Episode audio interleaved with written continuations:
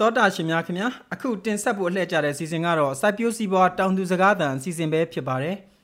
မိထီလာနဲ့မလှိုင်ကမြေစရင်နဲ့ဆယ်မြောင်းဝန်တန်းတွေအတ္တမငွေကြေးကောက်ခံလို့ဖျဲဆိုင်တောင်သူတွေအခက်တွေ့နေကြပါတယ်ဒီသတင်းကိုမကြီးမွန်ကပေးပို့ထားပါတယ်အကြမ်းဖက်စစ်တပ်လက်အောက်ခံစိုက်ပျိုးရေးမွေးမြူရေးနဲ့ဆယ်မြောင်းဝန်ကြီးဌာနရဲ့မြေစရင်နဲ့ဆယ်မြောင်းဌာနတွေကဖျဲဆိုင်တောင်သူတွေပေါ်မှာအတ္တမငွေကြေးကောက်ခံနေတာဖြစ်တယ်လို့ အဲ့ဒီဒေသတွေမှာဖျဲဆိုင်ပြိုးသူတွေကအခုလိုပြောပါတယ်။အဲဘလောက်ဒီဆိုးကုန်လဲဆိုရင်ကျွန်တော်တို့ငှားတယ်အခုမိတ်လာမဲ့မှာစိုက်တယ်။အရင်တော့ကျွန်တော်တို့လူတွေကကျွန်တော်စိုက်တယ်။ဘာပြဿနာမှမရှိဘယ်မြေသိမြေသိမပြရဘူး။ဥမာဟိုဒါပေါ်နေလို့မြေသိပြည်တယ်မို့ကျွန်တော်ပြောလို့ဒါကျွန်တော်နိုင်ငံတော်ဟိုဆောင်းတဲ့ဂျူဒီတွေကျွန်တော်ပြောပြတယ်ဟုတ်တယ်မလား။တော့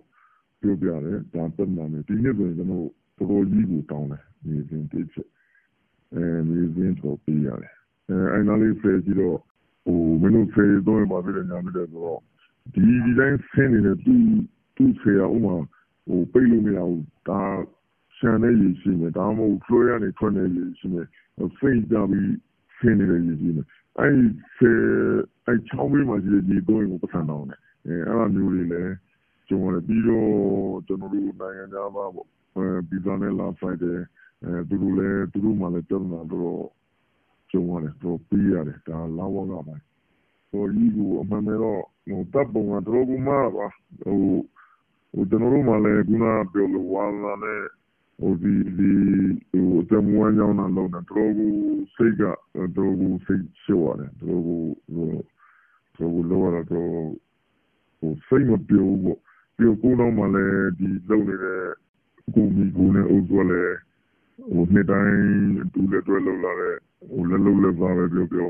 ဝင်နာမယ်ပြောပြောအဲ့လောလည်းများတယ်များတော့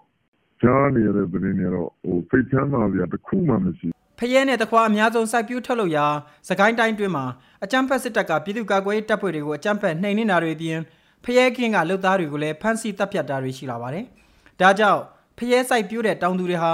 မန္တလေးတိုင်း မိထီလာဘက်ကတင်ပုံးဆယ်အနီးပြောင်းရွှေ့စိုက်ပျိုးရာမှာအခုလိုအကြမ်းဖက်စစ်တပ်လက်အောက်ခံမြေစည်းရင်းနဲ့ဆယ်မြောင်းဌာနတွေက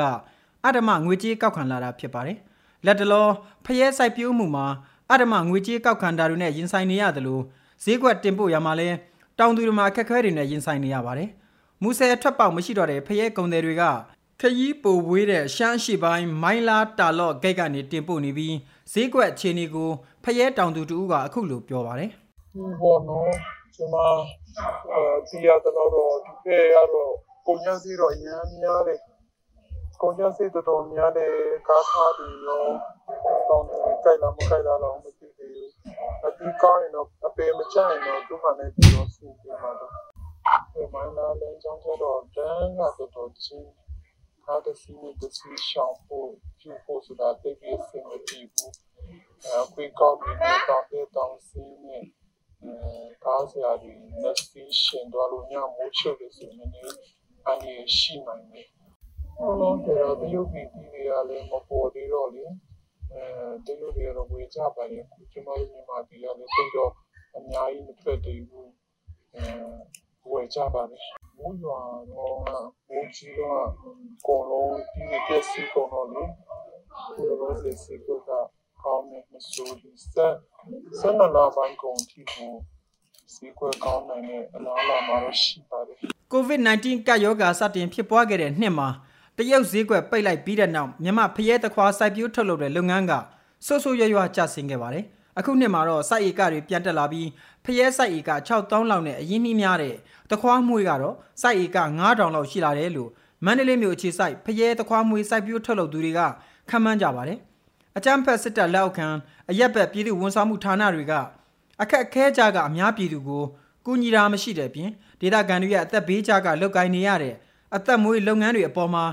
အဓမ္မငွေကြေးကောက်ခံနေတာပဲဖြစ်ပါတယ်။သောတာရှင်များခင်ဗျာအခုတင်ဆက်ပေးခဲ့တဲ့မြေပြင်သတင်းအကြောင်းအရာတွေကိုရေဒီယိုအန်ယူဂျီသတင်းတော်မကြီးမုံကပေးပို့တာဖြစ်ပါတယ်ခင်ဗျာ။